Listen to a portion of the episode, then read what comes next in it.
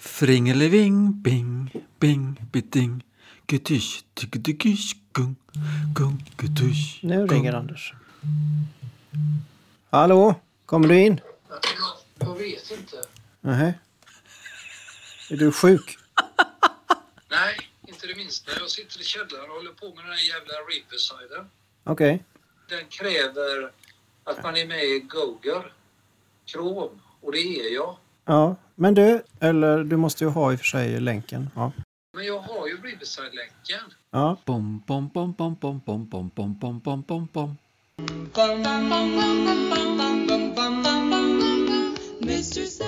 Men vet du vad jag gör då? Då gör jag så här.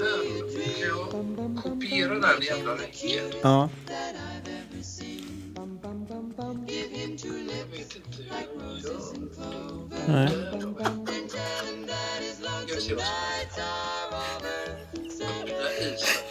Det är det jag inte vill. Nej. Du får öppna kromen. Ja, jag vet bara inte hur jag fan ska få den. Så du vet, det är ju det det är när den ligger på mejlen så blir det alltid bara fel. Men du, nu ska jag se så här. Vad kan jag göra då? Äh, upp, vänta lite. Nu jävlar. Nu händer det grejer. Där är någon på väg in. Tjena! Jävlars vad coolt! Tjena! Tjena! Gott att se dig Sverker. Nu är vi här. Eh, då lägger jag på. Du är också, du har något konstigt tak Patrik. Det är några konstiga grejer. Jag är i en källare. Ja men det är jag också. Vad är Sverker? Jag är på för, tionde våningen. Fatta att de har en källare på tionde våningen. Det är så jävla eh, hårt. There I am. Fy helvete vilken grej. Ja. Det var tre snickare som kom nämligen till Sverkers jobb för tio år sedan och så frågade de vad vill ni ha i källaren och då var någon skojig så högst upp. På tionde ordningen. Yes. Eh, nu har jag tänkt så här. Eh, en liten, liten utvikelse kommer det att bli. Av den enkla anledningen att jag har förstått att Peter Gabriels betydelse för Genesis är mycket mindre än vad jag trodde. Och jag tror att jag förstärkte den tron genom att fråga er, är det okej om vi kör så att vi eh, först pratar om tiden före Peter Gabriel och sen pratar vi om tiden efter Peter Gabriel? Och då sa ni ja, för jag tänkte lite mer på det. Peter. Det är roligt att prata om tiden före Pete Gabriel. Jag tror inte den finns faktiskt för då fanns inte ens bandet. Då innebär ju det då att när jag började lyssna igenom skivskatten så upptäckte jag att efter Lamb så gör de ju Trick of the Tail där eh, Phil sjunger första gången. Och sen gör de Wind and Wuthering. Yes. Och sen så gör de en liveskiva. Och sen så gör de And then there were three.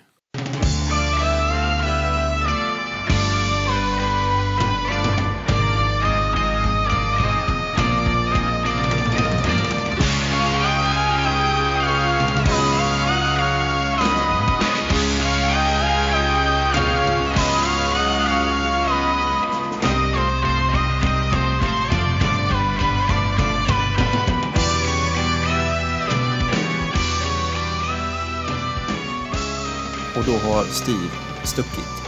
Sen kommer Duke och då börjar det som jag trodde hände direkt efter Lamb. Mm. Ja, Men det är sant. Du är inne på rätt spår. Men alltså Steve Hacketts betydelse för alltså deltagarna i Genesis utifrån vad Genesis är är mycket mindre än Peter Gels, G- Gabriels eh, Men är det verkligen så? Genesis. Ja, det, verkligen ja det kan jag möjligen tänka mig. Men, men eh, Tony Banks och, eh, och eh, Mikes, Brother. de har ju en enorm betydelse. Och det har jag liksom inte riktigt fattat. För jag tänkte liksom att det är ungefär som Sepp. Där alla är viktiga men det är, men det är plan som syns och hörs. Liksom. Mm. Mm. Men det... det Ja, men jag, vi, vi kan väl ändå bubbla lite om det tror jag. Jag tror att vi gör det. Jag Eh, tror redan att vi har börjat med det. Det, är jobb, det här är lite jobbigt faktiskt. För jag tror inte Sverker är riktigt jätteförtjust i det här egentligen. Tror Vadå? du inte? Eller? Nej, Nej. vadå? Berätta. Vadå? Vad Nej, men jag tänker så här att du, du, du, alltså du måste ju gilla Phil Collins. Alltså det måste man ju bara alltså du menar det. Genesis ja? Nej, det, Ja, men det var lite det. Var lite det. jag tänkte. det är inte Sverker det kopp detta. Det är det inte. Nej. Nej. Men är det någon som har Zappes Ready i våran planering? Nej. Ja, jag har det. Ja, Du nu var ja. Freddy. Ja, Nej, men det har du ju inte. igenom- Inte i den som vi hade från början. Nej, nej, det har inte. Har du nej. valt om? Nej. Ja, men det är ju det jag Han- säger han- att jag har gjort. Jag, jag har gått vidare lite för att jag upptäckte ju det som jag började prata om. Det här är den stora helt- bisatsen som han har er släckt som in. lyssnar nu. Det är jävligt märkligt att varje gång vi får in en enda person till i den här jävla podden så är det som 18 pårökta illrar som kommer in i ett rum. Det tappar fullständigt all möjlig struktur som vi möjligen skulle kunna haft. Kan vi återgå till detta nu? Och ska jag prata om vad vi ska prata om? Först så Men pratar vi jag håller med om att? Genesis och jag Ja. är inte världens bästa kompisar. Nej, Nej. Inte, inte, från, inte med allting som de har gjort. Nej. jag tänker Det är att inte jag... jag heller faktiskt. Jag tänker så här. Jag tänker så här nu. Vi pratar lite om progressiv rock. Eh, jag tänker Sverker, kan du säga tjing och hej och hälsa på Anders? Ja men hej Anders! Nej men Alltså- inte nu. Jag bara säger Nej. det om man kan Ja. så. Ja. Det ska bli lite spännande att se om det blir lika bra som Steve Hackers solo. Mm. Typ på Selling England. För då har du släppt Selling England nu. Nej, inte på något sätt. Nej. Nej, den är med. Ja. Men eh, då har du ju ja. två låtar innan Gabriel slutar. Om du Nej. ska prata om Nej, Sappers nej. Freddy. nej, ja, men den kommer, vi tar den när vi har gått igenom detta för då gör vi en liten, en liten sån här eh, eh, twist på det. Nu trycker Det jag blir på startmusiken och så börjar det här jävla avsnittet. Kör nu, jag är hungrig. Hej och välkomna kära poddlyssnare till det här avsnittet av podden X betydelse för Y. Idag händer det faktiskt. Nu sitter vi här, tre stycken, för att prata om den fascinerande progressiva rockgruppen Genesis betydelse för förändring. Eh, Och jag som sitter uppe på tionde våningen i Stockholm heter då Sverker Hemring. Och eh, på min högra och vänstra digitala skärmsida så har jag ju ja, mina bästa kompisar nere från Göteborg. Hej Patrik och hej Anders! Hallå? Hej! Nu blev det så att vi fick in dig Anders och kunna prata om det här avsnittet, eller göra det här avsnittet. Fan inte för tidigt Alltså- i alla fall. Ja, men jag är så otroligt nöjd utifrån att det är en konkurrenssituation som ni vet. Eh, som man kanske har hört i tidigare poddar. Ja. Och eh, till slut så får man vara med. Jag tror helt enkelt att det är så att du, du eh, hade en bra grupp som du föreslog. Som vi har valt Mm. att hålla kvar i. Jaha, så det har inte alls med konkurrens att göra? Nej, nej.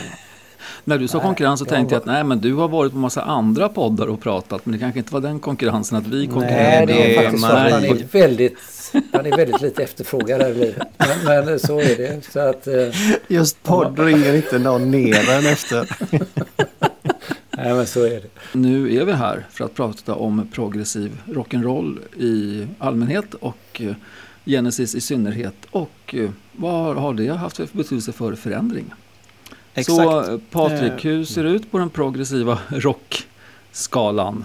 Jag skulle säga att den är i god vigör och levande.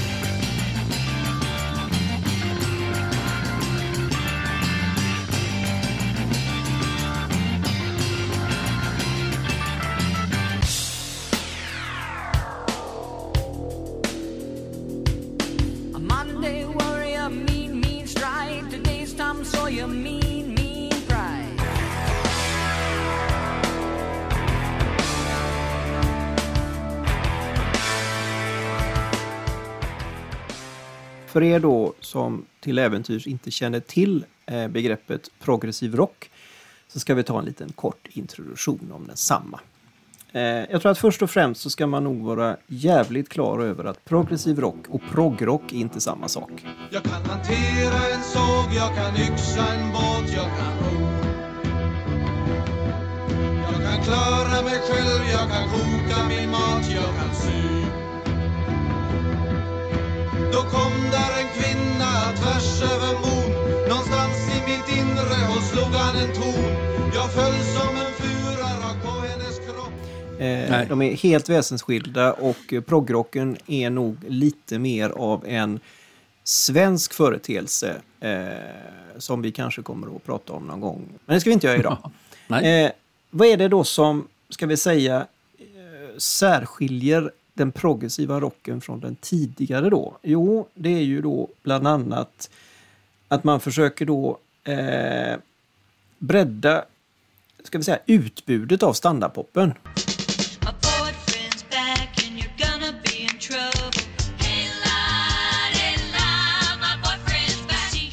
Väldigt mycket sån här flim och flams och sånt. Och då kände någon att nej, vi, vi, eh, vi, vi vill försöka göra detta lite mer seriöst.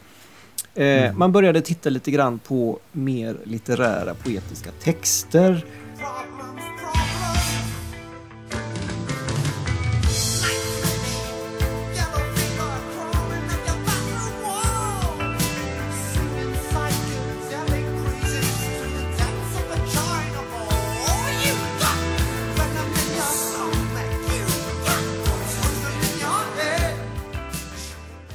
Exempel på de här lite mer poetiska och eh, litterära texterna då, det är ju eh, de här två raderna. Eh, här ska ni få höra. Eh, Pythagoras with the looking glass reflects the full moon. In blood he's writing the lyrics of a brand new tune. Det här är då från eh, platt, eller skivan, eh, eller det här är då från låten Suppers Ready som vi kommer att lyssna på lite mer. Eh, Eh, det är ju inte bara enkla texter som, som Peter spottar ur sig. Nej, Nej, om man inte bara. uttrycker sig milt. Hela, den... Där hela Suppers Ready är, är Eh, ett uttryck. Ja men den är svår och det är någon som vaknar i natten och det är någon som går ut Ja. i... Ja, det, det är svåra saker. Mm.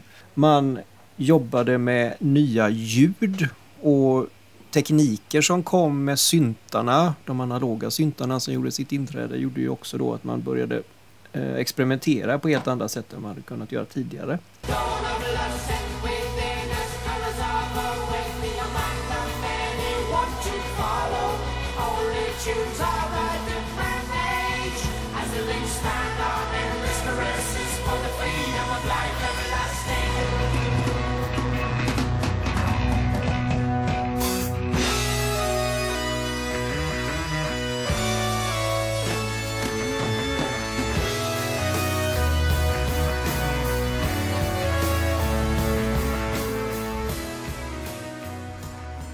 Harmoniinfluenserna tog man mycket från fusionjazzen och eh, 1800-talsmusiken faktiskt, den klassiska eran av 1800-talet.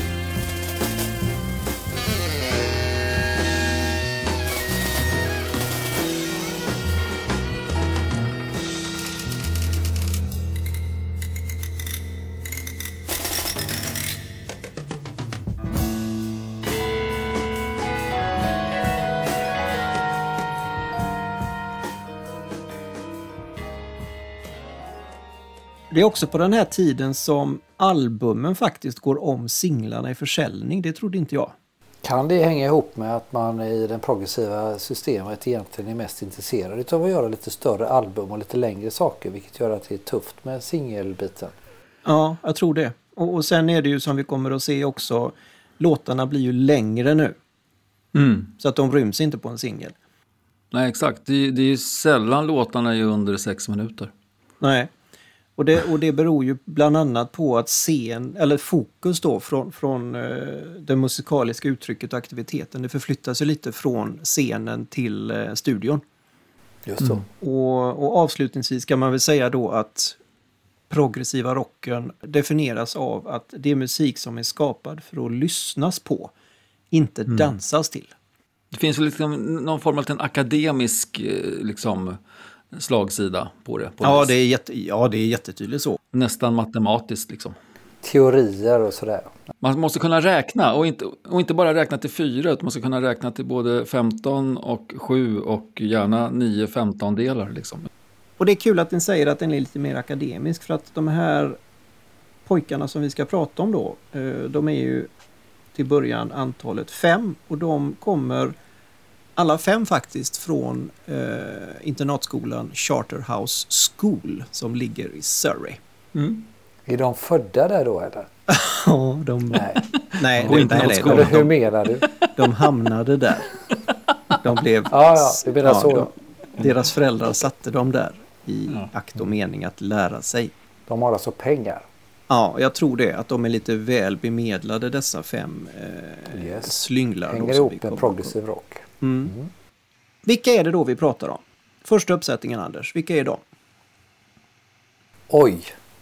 Jag kan nog alla utom trummisen om han inte hette Michael.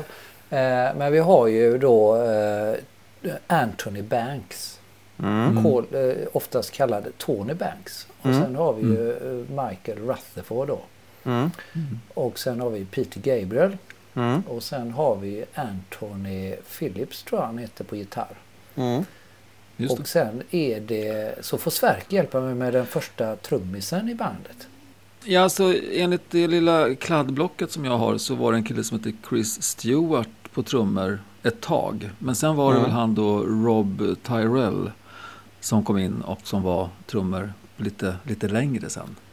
Det stämmer helt och hållet. Ja, men det är bra Sverker, det är skönt att du är med. Och de här fem gossarna då, de är ju egentligen ett sammelsurium av två stycken band som faktiskt bildas båda två på Charterhouse School i Surrey. Det är liksom rena plantskolan för progressiv rock. Och det ena då är Garden Wall. Creator prepares for the dawn of man. You're waking up. The day of incarnation.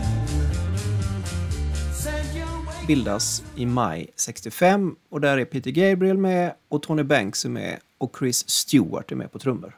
Mhm, mm. Och i december samma år då så bildas bandet Anon, Anon, Anoon, lite osäkert på hur det uttalas. Och där är då Rivers Job på bas, Richard McPhail på sång, Anthony Phillips på solgitarr, Bob Tyrell trummor och Mike Rutherford på basgitarr. Bas. Mm, just det.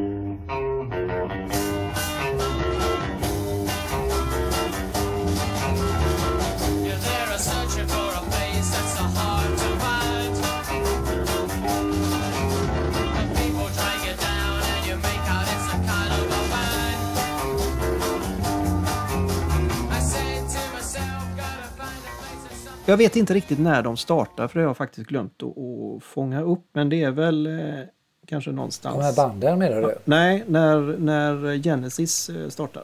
Ah, När de bildas. Jag har, första skivan är 67, va? Är det inte så? kan vara så. Eller något, ja, 67 från eller Genesis 68. to Revelation, ja, något sånt där ja. Ja, Så att det är väl något år innan där skulle jag tro, eller så. så kan det Ja, vara. första plattan Eh, kom egentligen eh, 69 faktiskt. Det är då som From Ja, okej, Genesis men to då- Revelation ja. kommer. Ja. Okej. Om, man ska, om vi nu ska försöka hålla oss till någon form av liten sanning. Ja.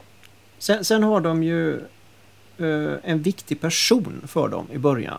Eh, det är också en gubbe från, eller gubbe, det är en kille från Charterhouse då. Eh, Jonathan King. Känner ni till honom? Nej. Inte mer än att han kom på namnet eh, Genesis. Nej, det gjorde han faktiskt. För han, han eh, var ju en sån här eh, alumn. tror jag betyder tidigare student. Och han har faktiskt en, eh, en eh, topp 20-hit från 65 med Everyone's Gone to the Moon. Ska vi lyssna på den? Okej. Ja, gör vi det. Ja, Okej. Eh,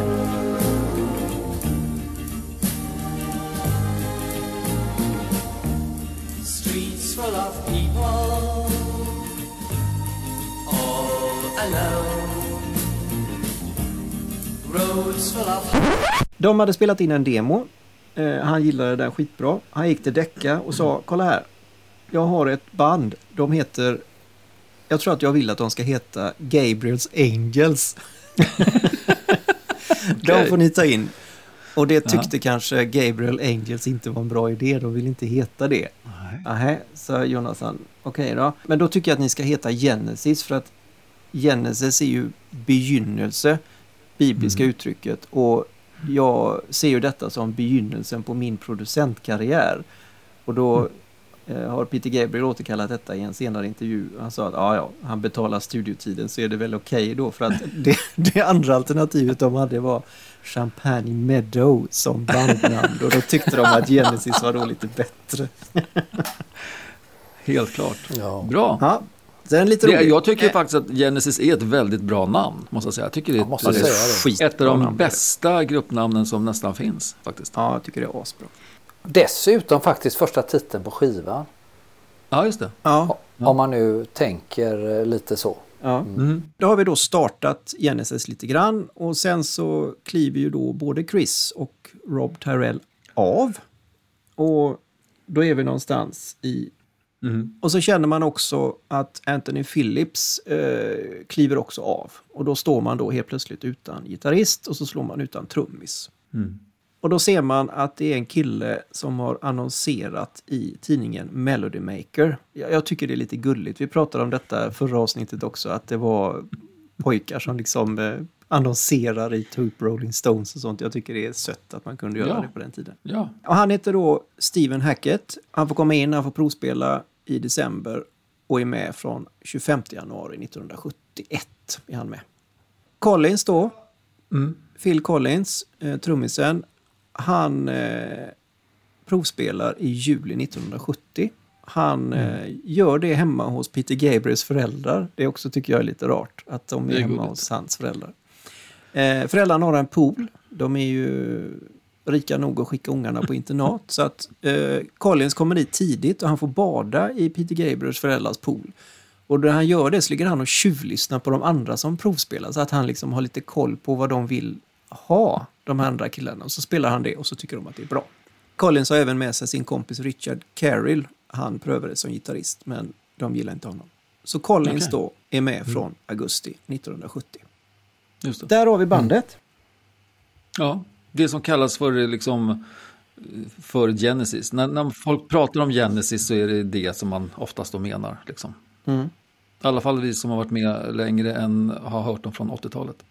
Kan man säga. Ja, fast samtidigt så måste jag ändå säga, man, man får liksom aldrig glömma, de har en fantastisk, eh, vad ska vi säga, känsla kring Ant- Anthony Phillips. För alltså, han är låtskrivare också, han är inte bara gitarrist. Mhm. Utan han är nog en ganska stor kreatör i början med många idéer och sånt.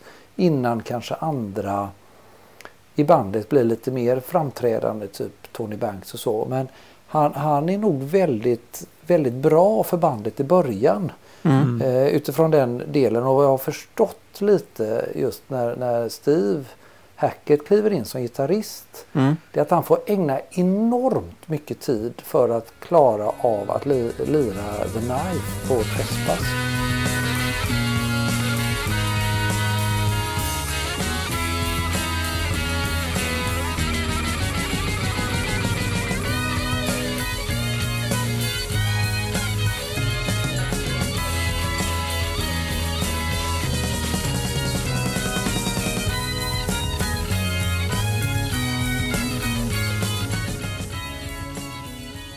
Alltså det Ja. krävdes jättemycket övning för att få till det. Det är ju lite spretigt. Och, och om man tänker, alltså det är inte så harmoniskt om man eh, försöker att följa den låten eh, som är en av de eh, största låtarna som eh, då eh, Philips är med. Mm. Mm. Du är ju med Anders för att du är och gillar väldigt mycket Genesis. Va, vad är det, alltså hur, hur, hur gick det till? Så det, det här är ju lite svårt. Eh, Jag gillar ju Genesis, eh, en viss del av Genesis kan man väl Ja. säga då. En viss tid utav Genesis eh, på något sätt. Ja, Och, och eh, de tre sista väl- skivorna. Nej, men jag vet inte om det hänger ihop med det akademiska. Ja, typ, ja, de sista skivorna är ju de som står högt i kurs. Ja. Nej, eh, kanske inte riktigt. Men, men, men någonstans är det... Alltså det, det, det skapar någon form av känsla. Eh, det skapar någon form av, av eh, liksom spänning när man växer upp på, på och börjar bli lite musikintresserad utav slutet eh, 70-80-talet sådär. Mm. Det här blir en väldigt motpol egentligen kring det som kanske spelas då när det liksom inte var den tiden. Så det, för mig gav det väldigt mycket. Eh, Men då hamnar man ju i en genre utav Genesis som var den här som du beskriver här, det här de här fem gubbarna liksom. Mm. När, när Steve Hackett och, och eh, Phil Collins har kommit in. Och det, det gav någonting utifrån att man kanske liksom gillade att spela lite och då blev det de här akademiska tonerna, det här lite mer musicerandet. Det kanske inte, eh, du får ursäkta mig Peter Gabriel, men just kanske att det musikaliska spelandet blir mer intressant än egentligen vad det är man, vad man uttrycker i form av text och sånt där. Mm. Och det gav mig och inspirerade mig väldigt mycket och som gjorde att det var väldigt kul att lyssna till eh, den här gruppen. Mm. Men om du fick välja en, eh, en, en eh, låt från dem, eh, från den, när du började lyssna på dem från de tidiga plattorna, vilken, vilken skulle du ta då? Oj. Eh, alltså det tog längre tid att riktigt känna för Nursery Crime och Foxtrot och det. Jag var nog lite sån eh, Battle of Epping Forest liksom med någon ridande lite Selling England grej och sen plötsligt när man ramlade in i, i Lamb Lies Down som var lite mer lättlyssnad. Mm. Eh, så där, där fastnade jag och där förstod jag då att Gabriel slutade efter det där. Mm. Och det gjorde ju att, att det inte blev lika intressant att lyssna på det efteråt.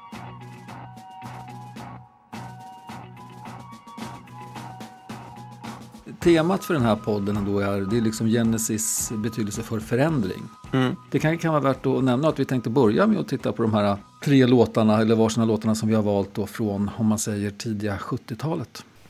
Det ska vi och det är ju faktiskt nu som vi faktiskt går in i den här poddens akt två. Kan vi inte lägga bara en halv minut på att höra varför Patrik och Sverker inte eh, kan tänka sig att fundera över Genesis? Min historia med Genesis är ju sån att jag har ju faktiskt eh, känt till dem sen ungefär som samma som för dig, för början på 80-talet. För att jag hade en polare här i Vasastan som älskade Genesis och jag tyckte det var lite knepigt. Men eh, sen blev jag ju hooked på dem när de blev de här liksom, pop, de pop, typen. poppiga Genesisarna. Sen har jag lyssnat på dem eh, i efterhand och tillbaka och tycker att äh, men det, ju, det vissa saker är ju hur balla och coola som helst. Men ja, det- blir ofta också lite grann för mycket för den här punktrummisen att, att ta in faktiskt. Men eh, nej, Phil Collins som trummis är ju helt eh, grym. Och kunna liksom både trumma och sjunga som han gör, det är nej, fenomenalt. Det är min lilla story. Vad är din, Patrik? Ja, men jag har nog gjort som du, att jag har gått baklänges i deras eh, musikhistoria. Eh, så. Eh, började lyssna på dem eh, efter att eh, Peter Gabriel och, och Steve Hackett hade lämnat då. Sen så kan jag väl tycka att jag, jag fann dem egentligen ganska ointressanta ju, ju längre tiden gick och började istället eh, lyssna på dem när jag kom in på lite grann Mike Oldfield hade jag ju en väldig eh, kärlek till ett tag och, och började också lyssna lite grann på Marillion genom det. Och då, då blev det på något sätt att man, man det var någon, det, det blev oundvikligt att någon började spela någon, någon, någon Genesis-platta. Eh, i- Otroligt spännande att säger att det går från Mike Oldfield till Marillion. Ja, det är och inte kul, från. Genesis till Marillion. Det är ju ganska spännande faktiskt. Ja. Ja. Det berodde ju på att jag var hemma hos en kompis som hade Mike Oldfield och så han hade inte Genesis-skivor och så lyssnade vi på Mm. Mike Oldfield och så, var det, så blev det skitbra. Han hade ju Rod Michel Jarre också. Eh, men men eh, det, var, det var där jag klev in i det. Och sen så får jag nog säga att det blev någon form av revival när jag jobbade ute i Partille eh, på den eh, yrkesvuxskolan där. För där var det en, en eh, lärarkompis till mig som lyssnade väldigt, väldigt mycket på Rush. Och så började vi också lyssna lite grann på Porcupine Tree och då började jag också gå tillbaka och börja lyssna på Genesis. Då.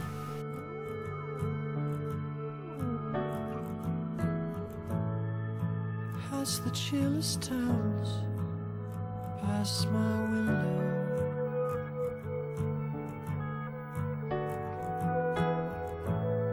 I can see a washed out moon through the fog.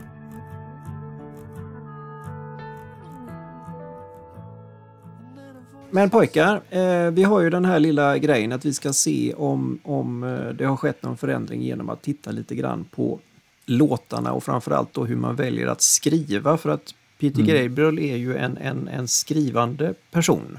Och där har ni faktiskt fått välja två stycken låtar och jag med. En före och en efter Peter.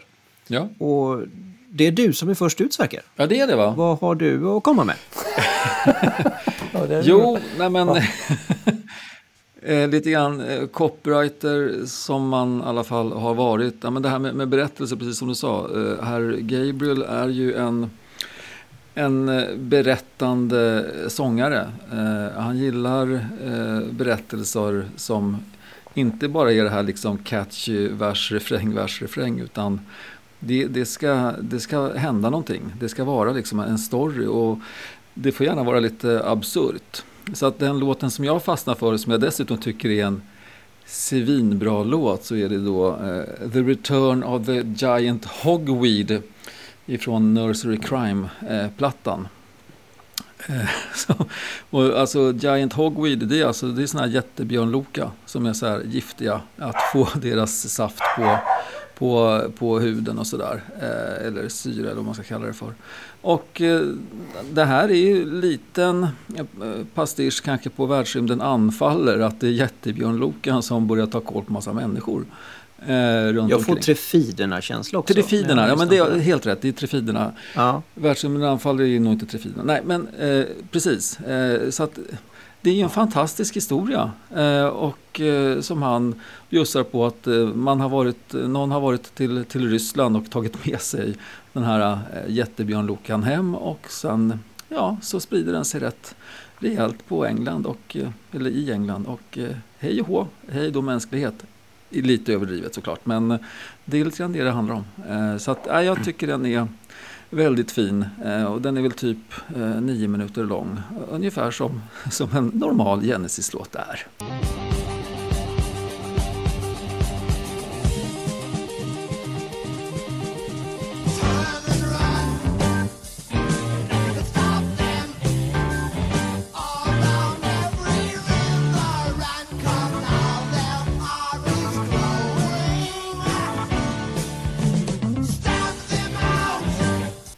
Alltså det som är kul med den låten, får jag bara lägga mig i. Ja, men så gärna. Alltså det blir ju någon form av lite tripp, trapp, trull där eh, just eh, den här Giant är kanske någon nummer två i en någon acceleration utifrån hur publiken tar till sig Genesis.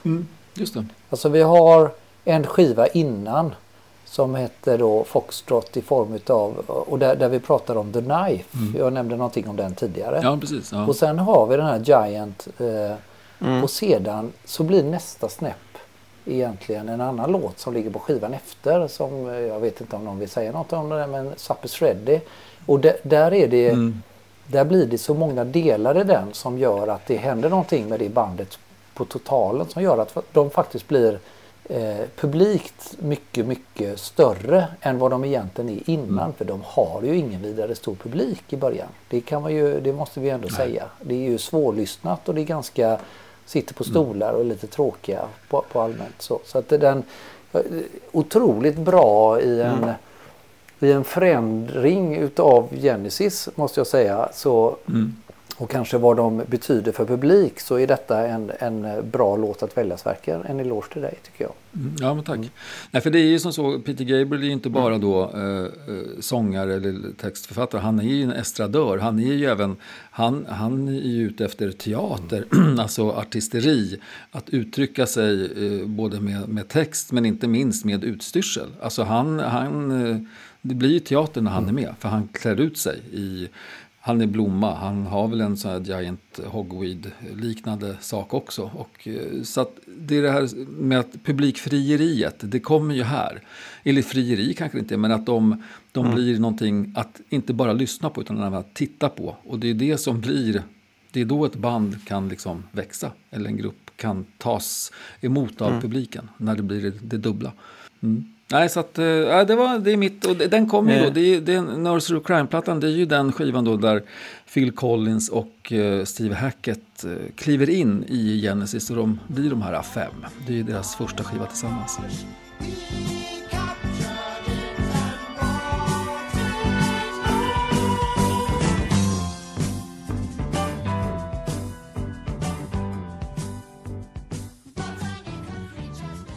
Men Patrik, vad, vad var din nu då första eh, låt med Genesis från det här 70-talsaktiga?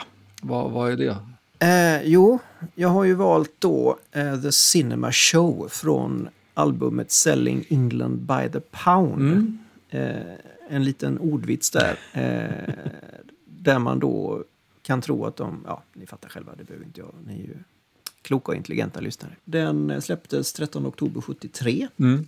Medlemmarna säger att de har svårt att hitta idéer. Men eh, deras tidigare framgångar har gjort att de nu kan ägna sig ganska mycket åt, åt att eh, försöka komma på saker och, och deras så här pre-production innan de går in i, i, i studio. De eh, hyr in sig i ett ställe som heter Chessington som ligger någonstans i Kingston upon Thames. Där grannarna klagar så de, eh, be, de beläggs lite med sådana här spelförbud vissa tider på dygnet. Mhm. Phil Collins hade börjat lyssna på fusion jazz, eh, bland annat eh,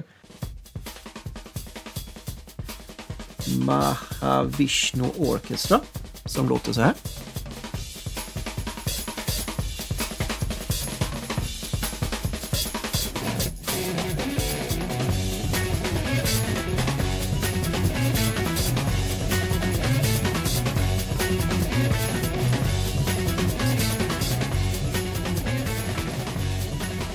Och hittat nya sätt att trumma på då.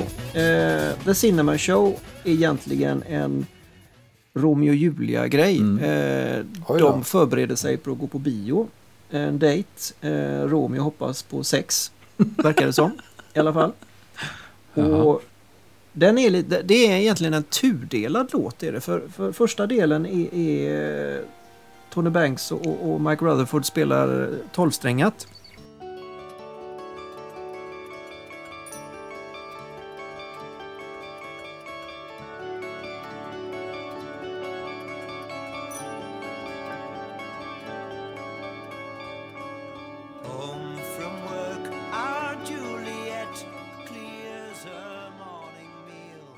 Väldigt eh, vackert eh, arpeggio-liknande.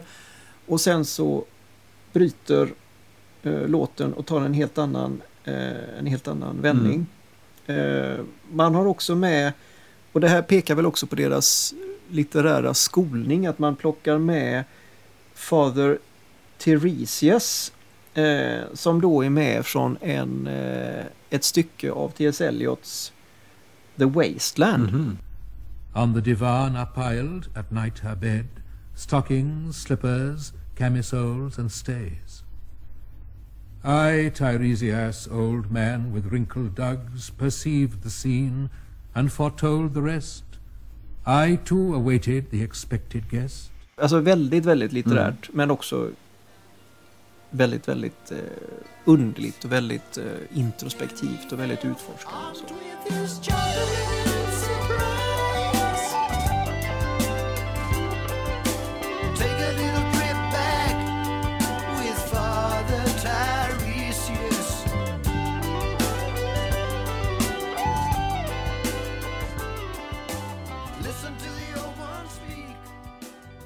Jag gillar den. Jag gillar den jättemycket. Framförallt så tycker jag om eh, otroligt vackert eh, Ja, intro. jag håller med. Alltså jag eh, eh, har inte lyssnat på den där eh, plattan speciellt mycket alls. Men just den här låten, The Cinema Show, är, den är helt fantastisk. Och just att, just att den har så tydliga två delar, tycker jag, i den.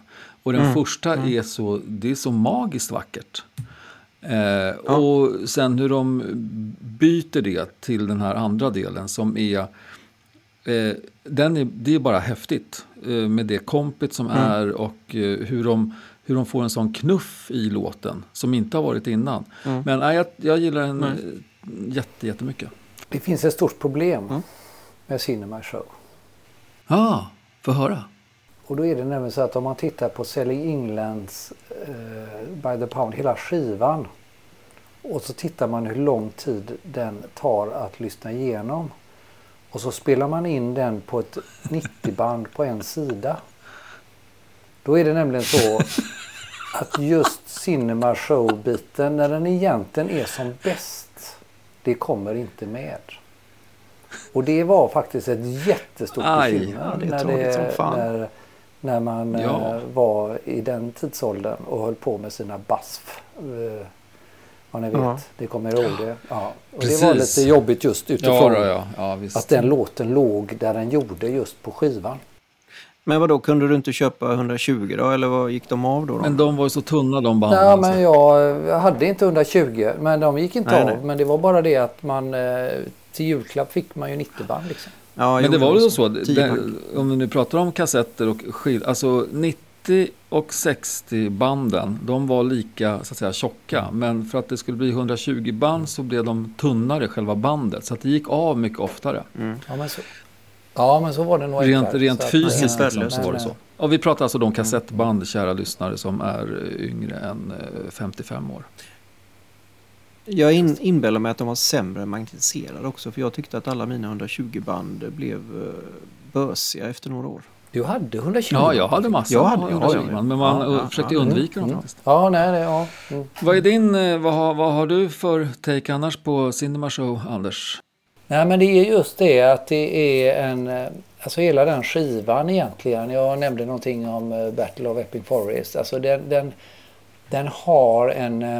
Den har en viss känsla hela den skivan tycker jag. Där det är liksom lite ljusare eh, kan man väl ändå säga. Eller lite mer, eh, inte ljusare är fel att säga. Men den är lite mer lättlyssnad tänker jag. Än kanske de, eh, en, en Foxtrot eller Nursery Crime på något sätt. Och det, det hänger ihop lite mer tycker jag. Och det, det är vissa stråk där. Vi har den här Firth of Fist till exempel som är en fantastisk dänga utav Steve Hackett. Han är ju med och lirar gitarr i den. Fantastiskt och ett pianospel. Alltså det är en makalös låt.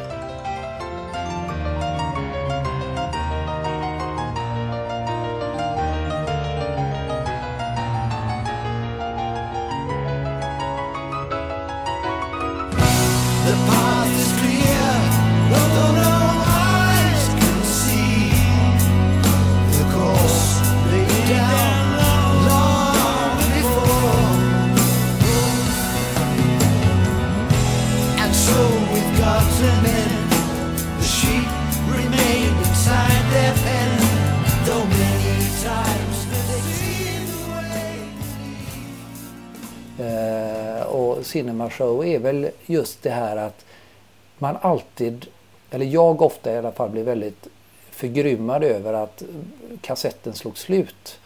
För man ville liksom inte slita på sin vinyl riktigt på det sättet. Alltså, utan det, det, den gick ju där. Och så så det, det är egentligen mina största minnen kring Cinema Show är just det här att fasen varför fick man inte med allt det här? För det är ju Mm. otroligt bra. Mm. Liksom.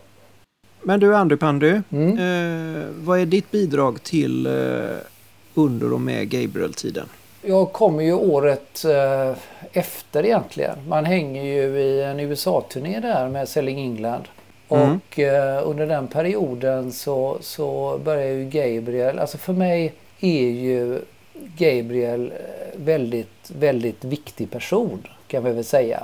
Mm. Och det gör ju att jag också lyssnar en hel del på Gabriels eh, solodelar och träffa på honom.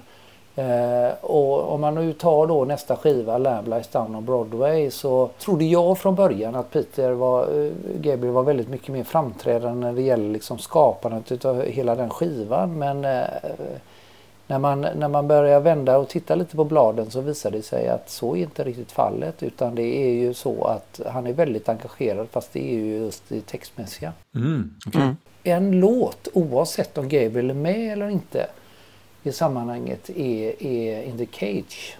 Och det, det är en låt från den skivan som på något sätt den, den startar väldigt positivt. Den är väldigt rolig. I got sunshine in my stomach. Det är ganska fräck eh, liksom, lyr- lyrik så. I got sunshine in my stomach, like I just rocked my baby to sleep. I got sunshine in my stomach, but I can't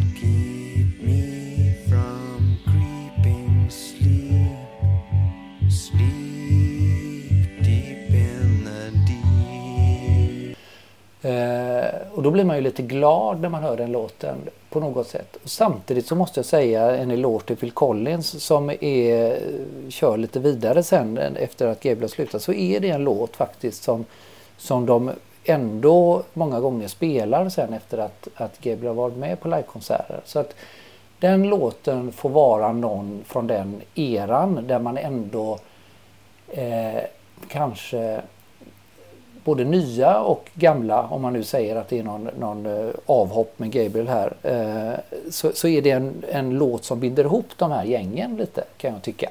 Mm. Mm.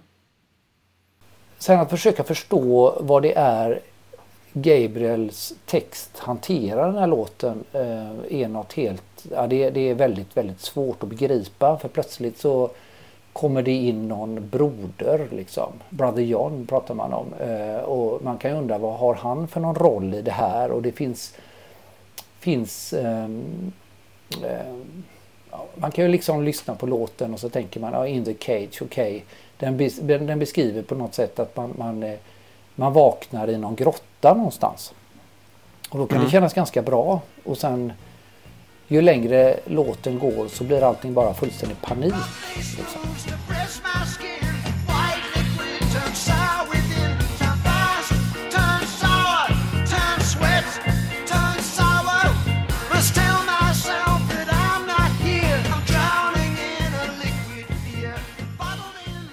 Han är ju eh, en person lite grann som ger eh, obegripligheten ett ansikte på något sätt. Han är ju otroligt utforskande och sökande. Sen, sen och det, det kommer vi att prata lite grann om också när vi glider in på Zappes Freddy. Han är ju inte varken spiknykter eller eh, ren i blodet alla minuterna på dygnet heller. Nej. Det, det, Och det är just den här beskrivningen, den har ju om den här låten, den kan ju vara allt ifrån egentligen att det är någon romantisk historia tills att man försöker beskriva någon form av panikångest, attack till att man funderar på kan det vara så här att man har någon form av liksom drogtripp där det är så att det kan kännas ganska bra i början och sedan så ballar allting ur mot slutet där man känner att man bara hittar på massa saker och att det känns väldigt ansträngt att bara bli kass. Va? Eh, det, det, den, den är väl ganska svårtolkad men, men om man lyssnar på själva låten så har den någon form av liksom den, lugn, den är lugn men den är ändå fart. Den är en väldigt mäktig låt. Mm, det jag håller helt med. Eh, På något sätt som man kan tänka sig att eh, han skapar någon form av bild när man ska försöka presentera detta i en livekonsert med där, där man tillför någon form av film. Det är man en av de första banden med att göra. Man spelar upp och visar massa bilder. Det är inte film utan det är ju massa bilder på tre stycken videoskärmar eh, parallellt. Han har klätt om sig lite. Han är ju den här lite konstiga eh, personen Rail som, som är någon form av liksom någonstans i New York där. Eh, och försöker beskriva detta. Och jag, jag tror att han, han har någon form av vad ska vi säga, någon form av vision, någon form av idé, någon form av att eh, teaterpresentation där det är så att musiken ska stärka. Det är inte, det är inte grundsyftet egentligen att det är musiken bara utan det ska vara någonting mer. Och de, de är ju väldigt mångbottnade. Alltså det är ju lager på lager på lager. Och jag, det är också en sak som jag tycker är jävligt häftigt. Och det är inte bara, det är inte bara hur texten eh, uttrycks utan det är ju hur, hur, hur låtarna går och vilka teman de ligger på. Att de alltså väldigt ofta kör med någon form av underliggande eh, eh, vad ska man säga, tema och så, och, så, och så improviserar man kring det. typ Alltså ungefär som jazzen går. Så jag, det, jag håller med dig Anders. Det, och den, den är fantastiskt bra låt.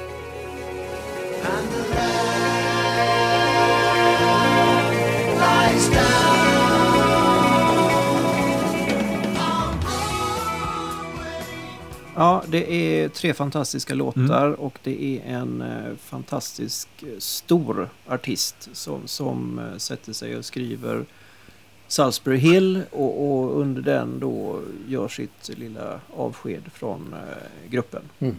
Det, är- det är väl rätt att Salisbury Hill Ja, är men det är helt hans- korrekt. Ja. eh, när det gäller just att man tittar tillbaka liksom på, Mm. Just. på någonting. Eh, så nu är Peter borta eh, och bandet, jag vet inte om de slickar sina sår för att de, de släpper ju en ganska bra skiva inte så långt eh, efter att han har stuckit som, som är inte alls dålig. Men, de eh, gör faktiskt det. De har eh, det är väldigt jobbigt. För det Mm. är så att bandet letar efter en sångare. Mm. Man letar frenetiskt efter en sångare.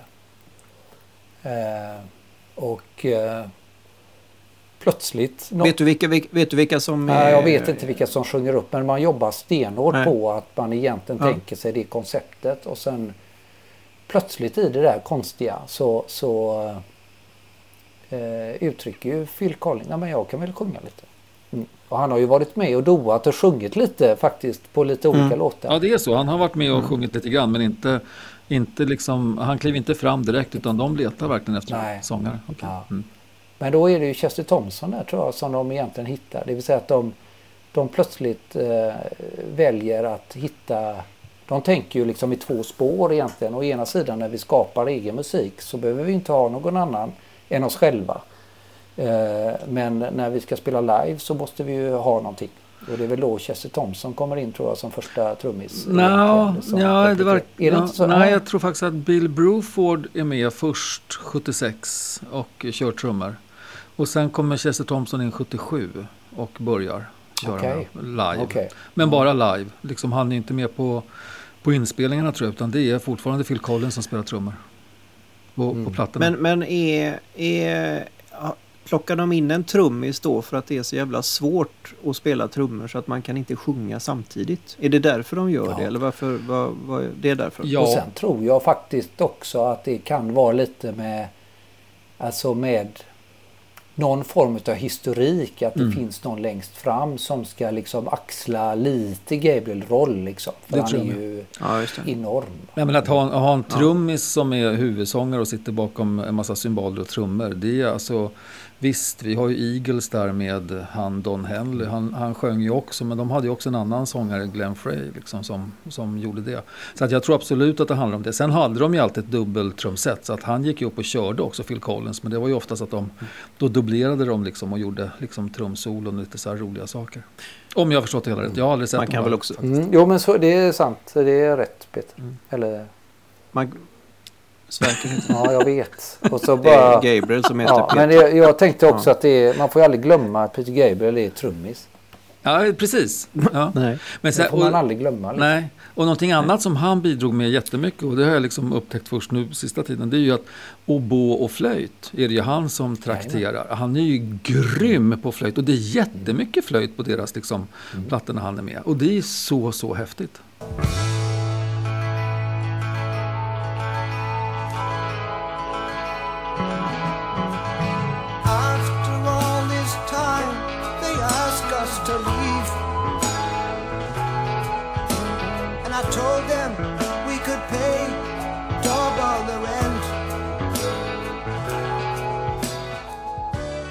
Men nu har vi inga mer plattor med flöjt. därför att eh, Peter har flöjtat ut och börjat köra någon solokarriär.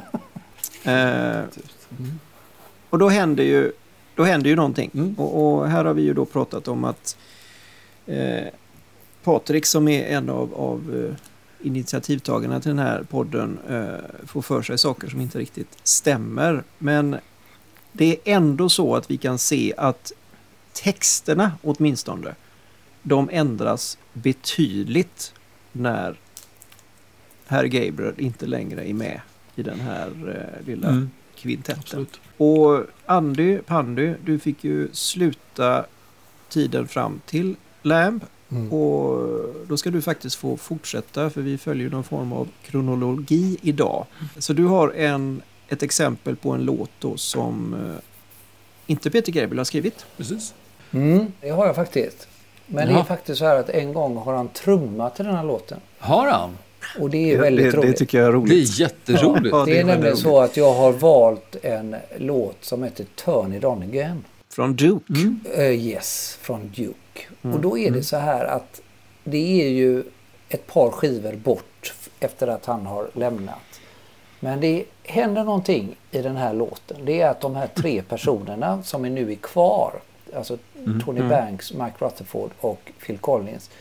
De finner varandra och börjar skapa musik tillsammans. De är plötsligt ett band. Därför många gånger innan, ja, efter att Gabriel så, så slutar, så är det så att det är liksom, man jobbar lite var för sig. Mm. Men just när det gäller Duke-skivan så hittar de någonting där de börjar att skapa musik tillsammans. De jammar, de håller på och grejsar. Mm. Just Turn It On Again är en sådan låt som man egentligen skapade någonting tillsammans. Som jag kan tycka ändå bygger ihop lite den här tidigare eran med den nya eran. Men som är acceptabel för mig att lyssna på. Mm. Den är enormt spännande i takt. Den är otroligt konstig takt. Den har en mycket, mycket enklare, vad ska vi säga, textstrof. Det är Mike Rutherford som har skrivit texten till den låten. Och han, han eh, tänker nog lite så här att ja, men något får vi ändå göra.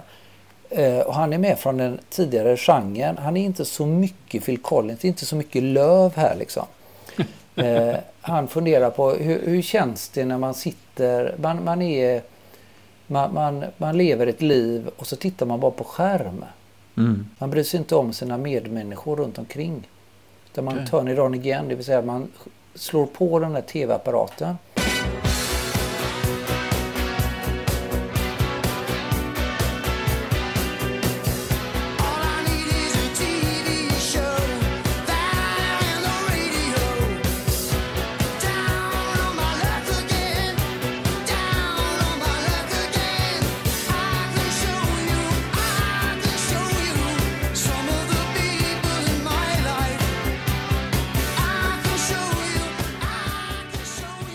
Men det, jag tycker att det är, en, det är en väldigt medryckande låt. Alltså, Och just den här, den här taktändringen som de gör hela tiden, om det är sju och en halv eller vad det är. Ja, de pratar 9.13 och allt möjligt. Den känns bara naturlig, men när man försöker, när man, ja, men när man försöker lyssna på den, så här, men vänta, vad är det de gör egentligen? Då blir det svårt.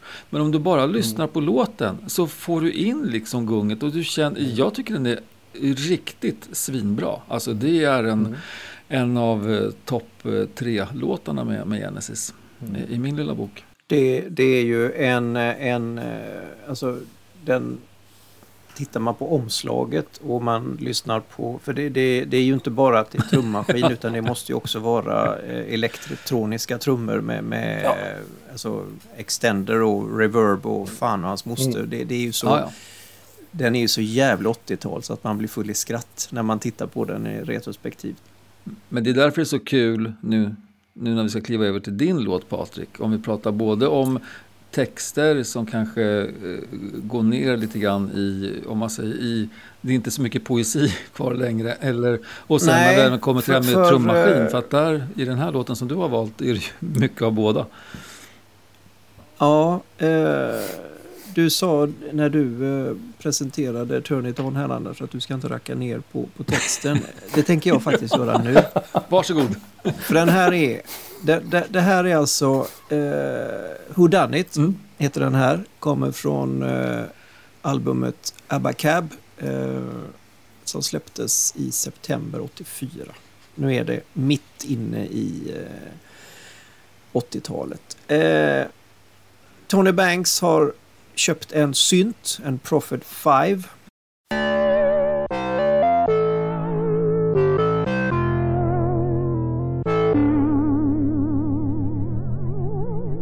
Och han håller på och tittar lite på den och, och ställer om grundinställningarna och så trycker han på tangenten och säger fan det här är fräckt. Och så, och så går han till honom och säger "Ö, Phil, Phil, Mike, lyssna här. Och så, ja den här idén.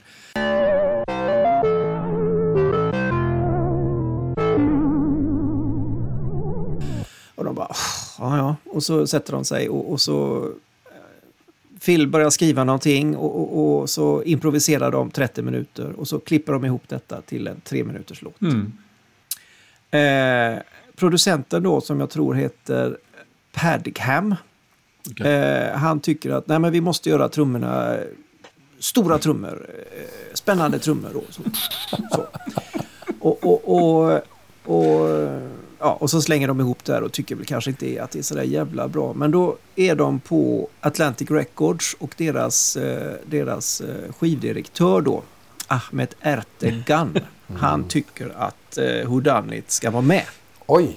Så då kommer den med på den skivan. Och texten börjar Was it you or was it me? Or was it he or she? Was it A or was it B? Or was it X or was it C? Alltså det här är ju ungefär som den är skriven för X betydelse Ja. för Y-podden. Ja, ja. Och, sen, och sen, sen upprepar man detta två gånger, tre gånger och sen så går man in i, i refrängen I didn't, I, I didn't do it, I didn't, I, I, I didn't do it. Och sen We know, we know, we know, we know. We know, we know, we know, we know. Oh yeah, all we know, yeah.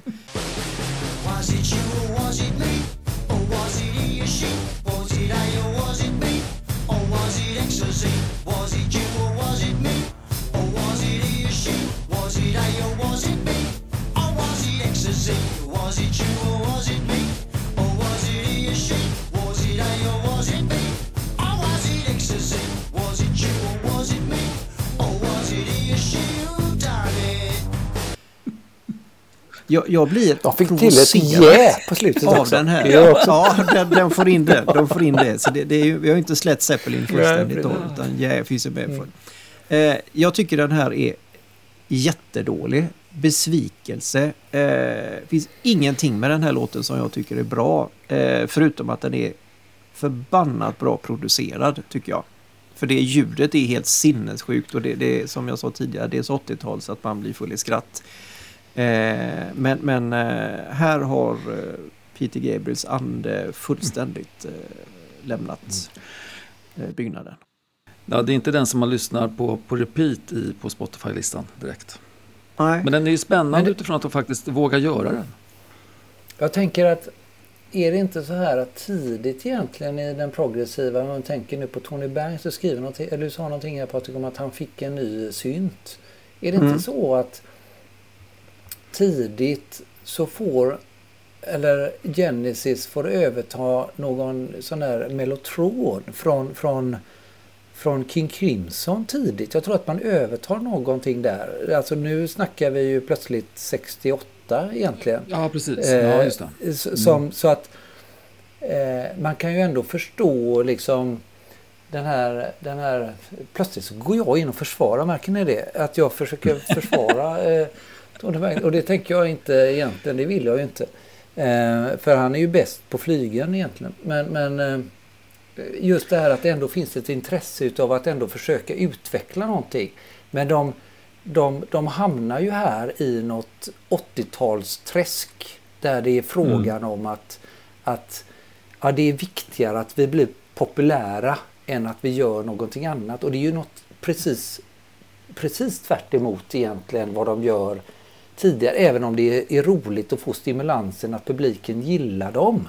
Eh, Eh, men det valde de ju inte i musiken. Det var ju det Gabriel valde egentligen utifrån att han plötsligt tar på sig ett, ett rävhuvud liksom och klädde ut sig. Det var ju det som egentligen var grejen att de blev lite större.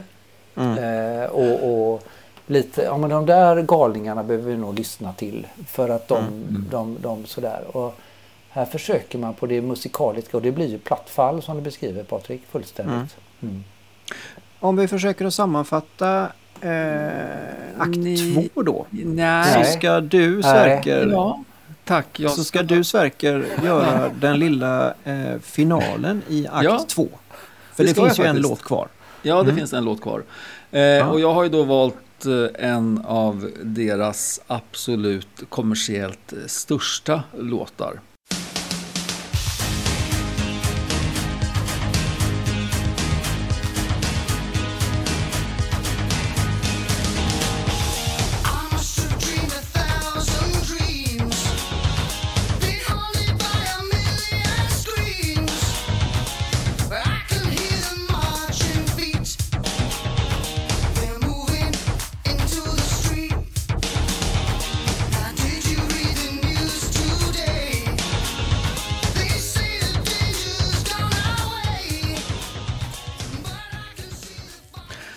Som då kommer ifrån plattan Invisible Touch. Eh, som, du, du tog ju upp det, eh, Anders, där att eh, den här, eh, din låt, att den var svår att Tony spela. Ja, Tony Dawn, att den var svårspelad. Eh, den här låten har ju då snarare Mike Rutherford sagt precis tvärtom, att den här var ganska enkel, så det var därför som de inledde den med alla, i alla konserter som de har kört sedan de gav ut den här plattan, så börjar de med den här låten. Just för att den är, Okej. den är förhållandevis enkel och sen att ljudbilden i den är så bra, för att om man får till ljudet på den här låten, då vet man att det låter bra för resten av konserten. Eh, Den har ju ett väldigt eh, typiskt sound. Och det, det är som ett, ett tåg som tuffar på bara och åker framåt i den här Land of Confusion. Eh, och det är ju, Rutherford har skrivit texten eh, och det här är enda gången som de blir lite, lite politiska faktiskt. Eh, för det handlar ju om lite grann eh, det kalla kriget mellan USA och eh, Sovjetunionen. Eh, och det manifesteras ju ganska rejält i en av de bästa rockvideorna som väl kanske någonsin har gjorts. Som är de här dockorna som eh, gänget bakom Spitting Image gjorde. Eh, som väl vann eh, något litet pris. Eh, fast den blev med- väldigt brädad av Peter Gabriels Sledgehammer som kom ut samma år. Men den här låten eh, tycker jag eh, på något vis är deras eh, eh, toppnotering när det gäller det kommersiella och även eh, Nej, jag tycker att det är deras toppnotering när det gäller det kommersiella. Så, punkt där. Jag tror också att om man skulle fråga 100 personer vilken eh, Genesis-låt som är mest Genesis-låt Mm. så tror jag väldigt många, eh, framförallt av de kanske lite yngre då, nu är ju inte folk yngre med tanke på hur länge sedan det här var, men jag tror att det här är det, det är lite av ett signum den här. Ja. Eh, för, för den senare delen av, av eh, Genesis. Samtidigt det kanske är lite... Ja, jag håller med dig att det är ju någonting när det är en kul video och allt på det, på det sättet. Och då, liksom för att, alltså om man tänker lite på den här breda publiken och vad Genesis kan, kan liksom förespråka så tror jag att tittar man på hela eran så är det ju ganska många som ändå får någon form av betydelse. Alltså Genesis betyder någonting för väldigt många. Ja, det är jag helt övertygad om. Alltså den här tiden lyssnade man på, på alltså, Invisible Touch. Alltså det, det, Mm. De låtarna rullade ju hela tiden. Ja, men Alltså, någonstans det, så? Du kunde ju inte fjärma dig liksom. De, de, eller Men då värja var ju dig. också, de, de var då ju, var ju MTV, överallt.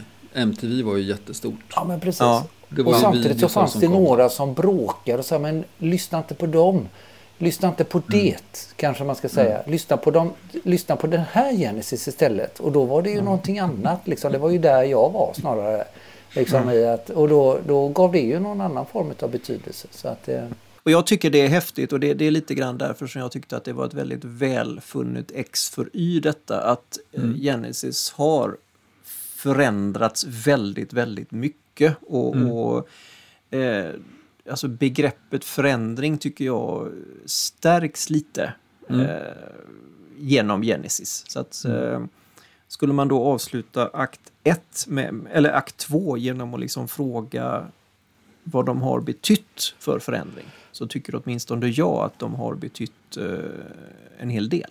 Jag håller helt med. Jag håller helt med. Ja, men det är sant Patrik. Men hörni, ni har ju nämnt lite grann om den här Suppers Ready också lite grann. Vad, vad ska vi säga om den då? Ja, jag tänker att vi ska göra en liten U-turn här och så ska vi ramla tillbaka in i, i eh, det förflutna igen. För att Mm. jag, jag, jag tycker någonstans att det blir lite futtigt om vi bara ska prata lite grann om vad, vad, vad de har gjort textmässigt. För att det är ju så galet mycket musik som finns i det här också. Så mycket, alltså så jävla mycket bra. Mm. Så jag skulle vilja ägna lite liten tid åt Suppers Ready. Mm. Suppers Ready ligger på Foxtrot, Anders va? Har jag Yes. fel? B-sidan. Ja. Mm. B-sidan. Mm. Den är 23 minuter lång. Alltså den är 7 minuter kortare än den jam session som skapade Who Done It. Det tycker jag är spännande. Det är en Ja. låt som är... Egentligen så består den av sju sektioner. Varav den första har jag eh, läst, högläst ur eh, i början Mm. av programmet. Den handlar om eh, någonting som Peter Gabriel själv har sagt att eh, hans fru Jill verkade bli besatt av någonting. Mm. Hon hade nämligen sovit i ett lila rum och mått väldigt, väldigt dåligt av det. Och helt plötsligt så började hon en kväll prata med en helt annan röst.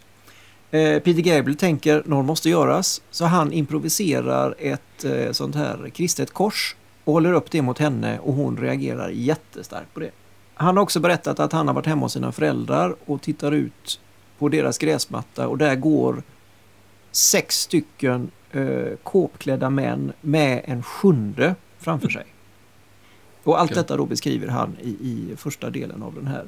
Eh, Tony Banks har, har, har eh, berättat detta också och hans version är av att ja, de trippade troligen. Okej, ja. Ja, det är nog Så det var ganska sannolikt. Ja, ja. det var en snedtripp som inte gick eh, så bra. Eh, Och den här, jag vet att vi har, vi har pratat om, om eh, Bohemian Rhapsody, Sverker, att den Mm. skulle man kunna ägna ett helt avsnitt om. Mm. Eh, Suppers Ready skulle man kunna ha en hel podd om. Ja säkert. För, för den, den, är, den, är så, den är så komplex och den är så stor och den är så lång. Och, och Banks då som, som ibland kan uttrycka sig, han sa det att ja, det här var, jag tror att vi pikade här. Mm. Så det här tycker han är det bästa de har gjort. tror jag. I know a fireman who looks after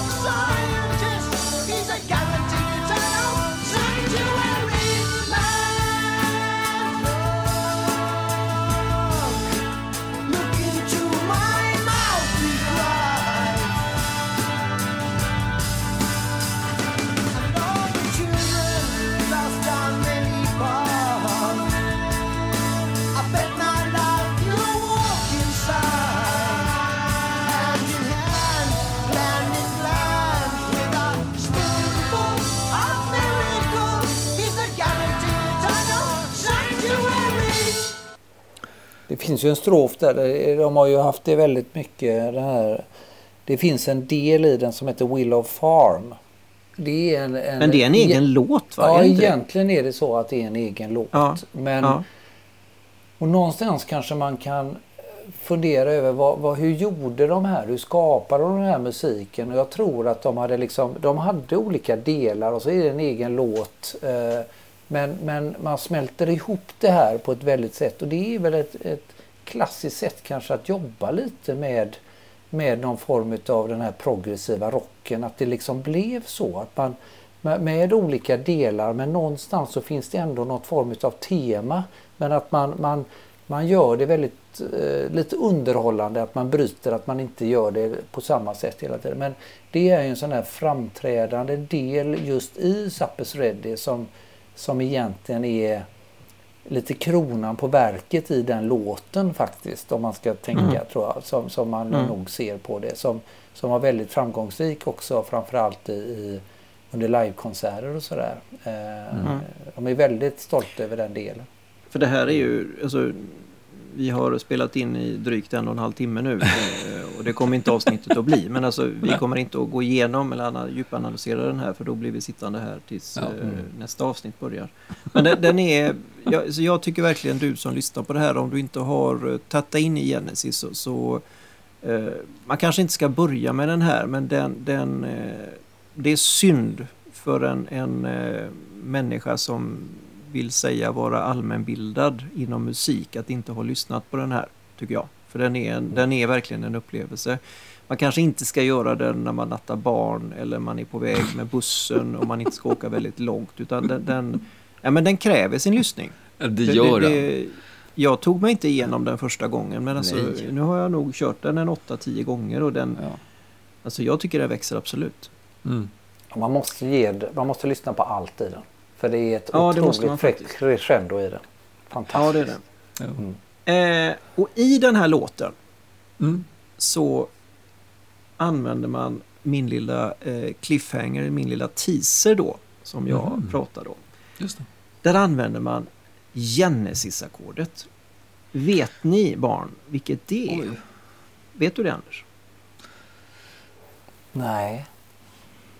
De Jag har ju skitmånga ackord så att det är ju lite löjligt att säga. Men de, de har Kan ett det vara något dimaktigt kanske?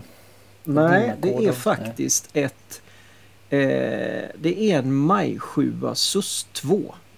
Eller Okej. som man kallar en eh, add 4 eller add 11. Och i sin allra enklaste form så är det faktiskt... Eh, eh, nu får man nästan gå till klaviaturen för det är faktiskt eh, Banks som använder detta eh, allra bäst. Eh, Mhm. Det är då ett C-dur-ackord med en F i basen. Okej. Och det låter så Ja. här. Very nice chord. Eh, det är lite roligt. Det, alltså det, det är inte bara Genesis som använder det här. Det finns miljarder andra grupper som gör det. Eh, eh, men till och med Rick Beato, våran husgud, eh, jätteduktig youtuber, använder Ja. Han säger det. Han, han har i sitt avsnitt eh, What makes this song great, avsnitt 57. Då har han Mm. nämligen Genesis Dancing on a Volcano. Den Ja. ska ni också lyssna på för den är Ja, galet den är bra. jävla bra, är alltså. Ja. Och hur, hur Rick Beato eh, dekonstruerar den låten och berättar vad som gör den bra är sinnessjukt bra. Men där nämner han då alltså eh, Genesis Chord. Så. Ja. I alla fall, det här kodet, mina vänner, det är lite roligt för det är en, en kille, en youtuber, som har gjort, han har analyserat samtliga Genesis-låtar på samtliga album för att se hur ofta eh, är Genesis-ackordet med. Det är med på samtliga, låt, samtliga album utan det första 92 gånger. Och han har också kollat då vilka artist eller vilka medlemmar i bandet använder ackordet mest. Här ska ni få Mm. höra. Tony Banks använder det 70 gånger. Mhm. Mike Rutherford 59 gånger. Sen kommer ingenting och ingenting och ingenting och ingenting. Steve Hackett använder det 8 gånger. Anthony Phillips 2 gånger. Phil Collins 2 gånger. Peter Gabriel ingen gång. Ja, det är tur att det finns Eh. folk som har tid att sitta och göra sådana där saker. Ja, och, och för er då som är sådär jävla... "Åh, men så- Så är det så att om man lägger ihop alla gånger bandmedlemmarna använder ackordet Mm. så blir det så blir det mer än 92 gånger. Och jag, jag orkar inte kolla varför det inte stämmer. Så det är, ja, men förlåt då för fan om jag har Ja. räknat fel. Ja. Men det är Jag måste- häftigt. Genesis-ackordet, jävligt ball. Då Coolt. måste jag bara tänka så här. Jag ska bara säga det också. Nu kommer Mm. det att bli det längsta inslaget i den här poddens historia. För den här killen, han har också satt ihop och klippt ihop alla gånger i alla låtar i hela eh, Genesis karriär där Genesis-ackordet är med. Nu kan ni gå och fika om ni vill för det här kommer ta en stund. Men här är de, alla 93 gångerna. Varsågod. Oh.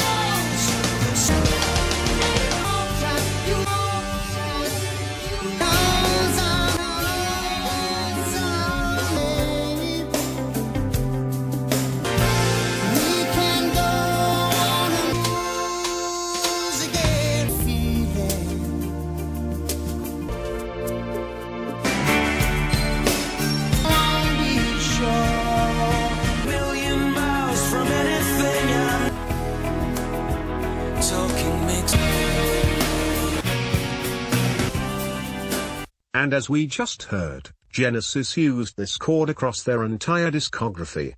This is one of many elements that show how while Genesis sound may have changed over the years, Han, är han är inte klok.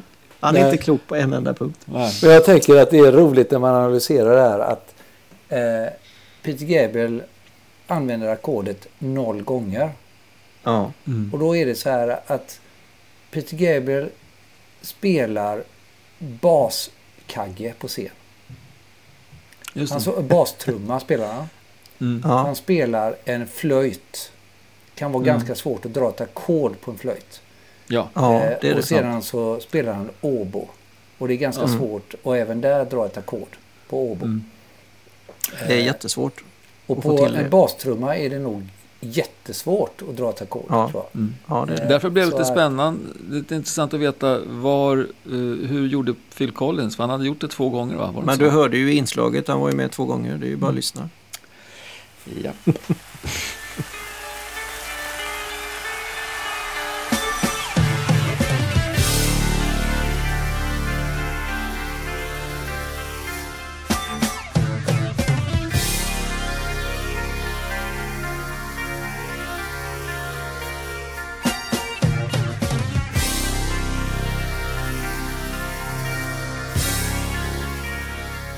Det här var skitbra.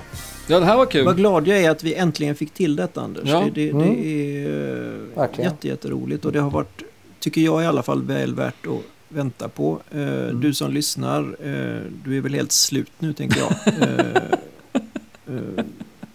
Men vi Ja. hoppas att du har tyckt att det har varit fantastiskt kul. Mm, det hoppas jag Eh, också. Eller hoppas jag. verkligen. Jättestort tack för att du lyssnar och orkar med och att Mm. eh, vi får eh, roliga propåer, tankar och idéer. Ja. Eh, Anders, Mm. Ja, Förra gången du var här Anders, eh, nu ska vi, eh, nu ska vi eh, gå på våran sån här slumpgenerator igen. Vi har ju våra eh, så kallade eh, kuvert. Och Anders, du har ju ditt eget lilla kuvert med, nu borde det vara fyra stycken lappar kvar va? Mm. För vi har ju tagit trumman, drog du ju förra Ja, gången. jag tog drömmaren. Och så ja. gjorde ja, vi ju ett trumavsnitt och nu ska vi ju göra ett eh, instrumentavsnitt efter nästa gång. För vi har ett litet eh, specialavsnitt som vi ska, tyckte var lite roligt att göra som Mm. eh, julavsnitt. Men eh, 2023 så kommer Mm. första avsnittet att heta något instruments betydelse för någonting. Och då tänker jag, då kan väl du dra den andra lappen då Sverker? ja det är okej. Jaha, det där, själva Mm. kommunikationsspåret eller vad det blir. Ja, det Exakt, Mm. det som har med då kommunikation och eller lärande att göra. Vad Ja. tror du om det? Har, har du, är du eh, redo Anders? Ja, jag är redo att... Eh, Ja. Jag har mitt kuvert här och jag Ja. blandar runt i det. Bra. Mm. Att, vad jag bara kan. Ja, Men Sverker Och är först då- eller? Jag tror Nej, inte nej. Åbo finns med. och då har vi inte Nej. kvar. Nej, det är faktiskt du som börjar Anders. Du får börja. Ja, det är bra. och- Men då och bubblar jag lite här och så Och, får jag fram en och då är lapp. det så här, eh, barn, nu kommer inte nästa avsnitt men näst, nästa avsnitt näst, nästa avsnitt att heta Gitarrens. betydelse för Oj, det här blir spännande. Tonalitet.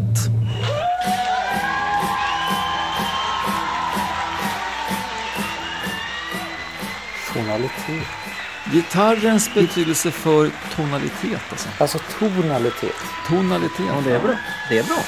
Det, är bra. det blev nästan lite Spännande. dubbeltydigt där. Ton, tonalitet, to, toner, gitarrer och tonalitet. Ja. Ja, det, det kan vi du nog få inte ihop fick någonting. eh, stringens. Det hade ju varit... eh, Ja, det hade varit lite svårare faktiskt. ja. Ja, ja men det blev ju fint. Eh, Där har Kära ni något att bita i.